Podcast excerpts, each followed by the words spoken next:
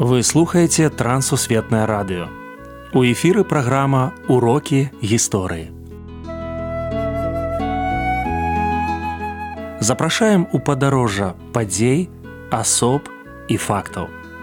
Вучыцеся разам з намі.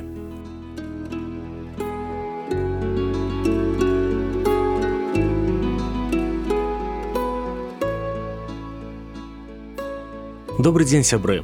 Ля мікрафона сяржук брышцелі кандыдат гістарычных навук Андрусю Нучак. Сёння мы пагаворым пра Станіслава Манюшку. Прывітанне Андрусь. Прывітанне сяржук. Прывітанне шаноўныя слухачы.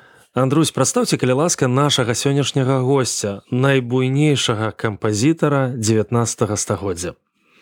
Наш сённяшні госць гэта аўтар першай беларускай нацыянальнай оперы. Опера гэта была пастаўлена ў Менску ў 1852 годзе і называлася ідылія альбо сялянка.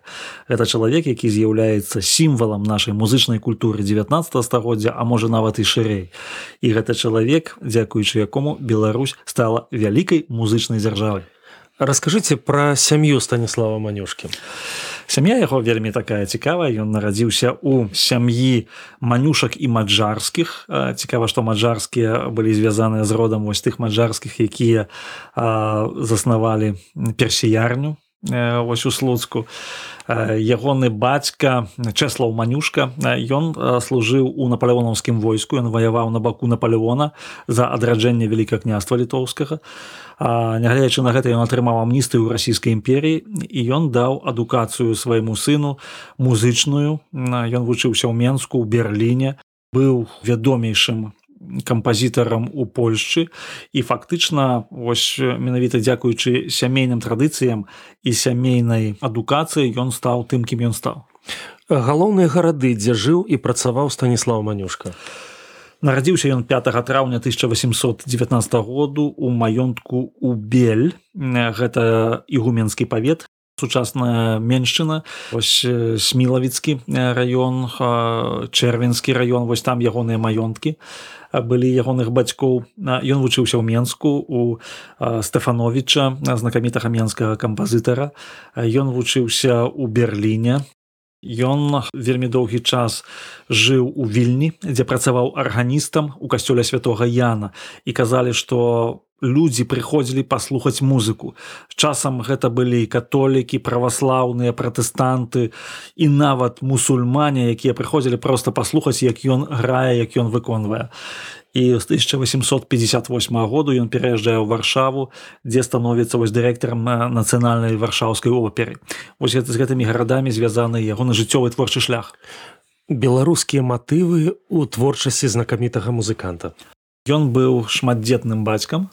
Ён быў чалавекам які прысвячаў вельмі шмат сваіх твораў дзецям. І ён імкнуўся каб дзеці даведаліся тое што спяваў што гучала ў народзе які быў вакол іх.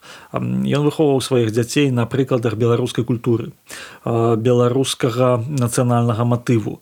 Ёсць некалькі зборнікаў яго песень там з наднём она дзе ён паказвае наколькі вось гэта важная і наколькі каштоўна народная культура якую ну раней лічылі пра простай і прымітыўнай першая беларуская опера. Вось звернемся зноў жа. Лібрэта піша дуін марсенкевич сюжэт такі што прыязджае шляхціц які жыў і вучыўся ў парыжы і ён пагардліва ставіцца да навакольнага люду.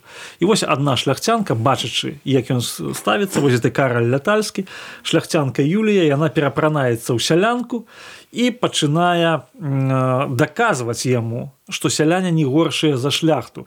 І ўрэшце рэшт ён закахаўся ў юлію і ён разумее наколькі важна яму быць з народам. Не узвышацца над народам а яшчэ быць вартым гэтага народу. Ось это першая беларуская опера.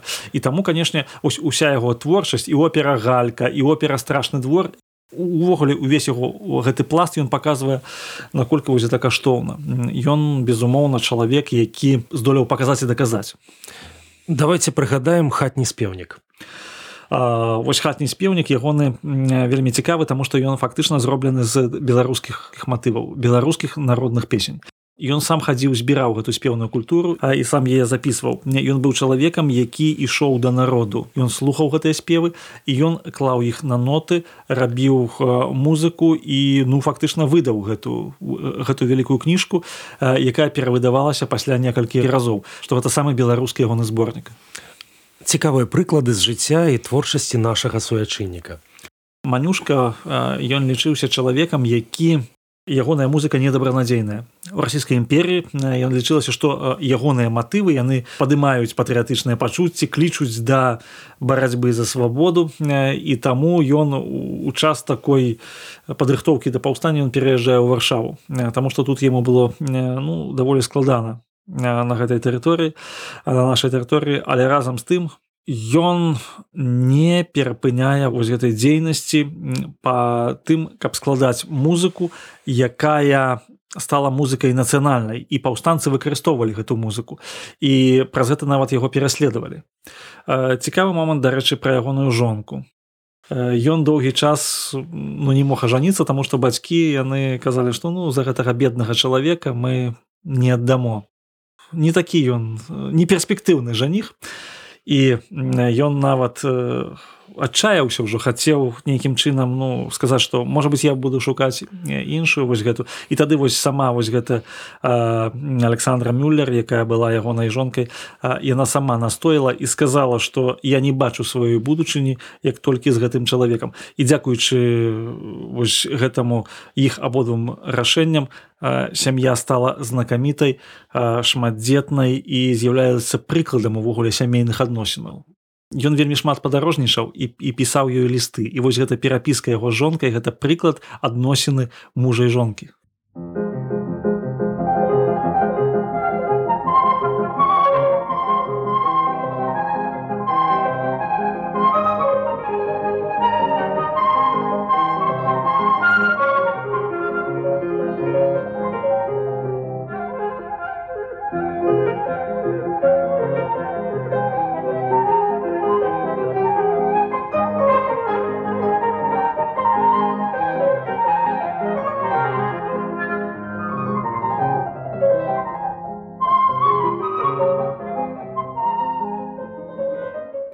Вы чулі музыку Станіслава Манюшкі.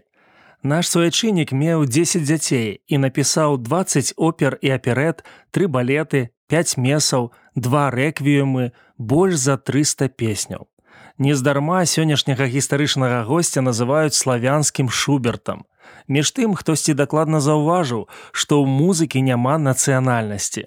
Яна універсальнае мастацтва, якое закранае як аматараў, так і прафесіяналаў галоўнае як ты да яго ставішся.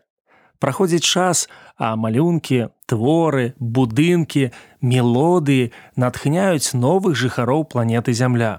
Цудоўны творчы ланцуг звязвае стагоддзі гарады краіны пакаленні людзей. Ноты фарбы цэглы быццам рэха мінулага. Голас і прыклад адзінства россыпы таленту мост натхнення Сярод такіх творчых дзеячаў пачэснае месца займае і станіслаў манюшка. Ён казаў: « Абяры мэтай жыцця мастацтва і займайся ім так, каб яно магло прыносіць радасць і падтрымку людзям. Гэтыя словы маюць дачыненне да ўсяго, што мы робім. А таму, калі мы шукаем карысці іншым, наша дзейнасць не губляе сэнс і свой непаўторны смак.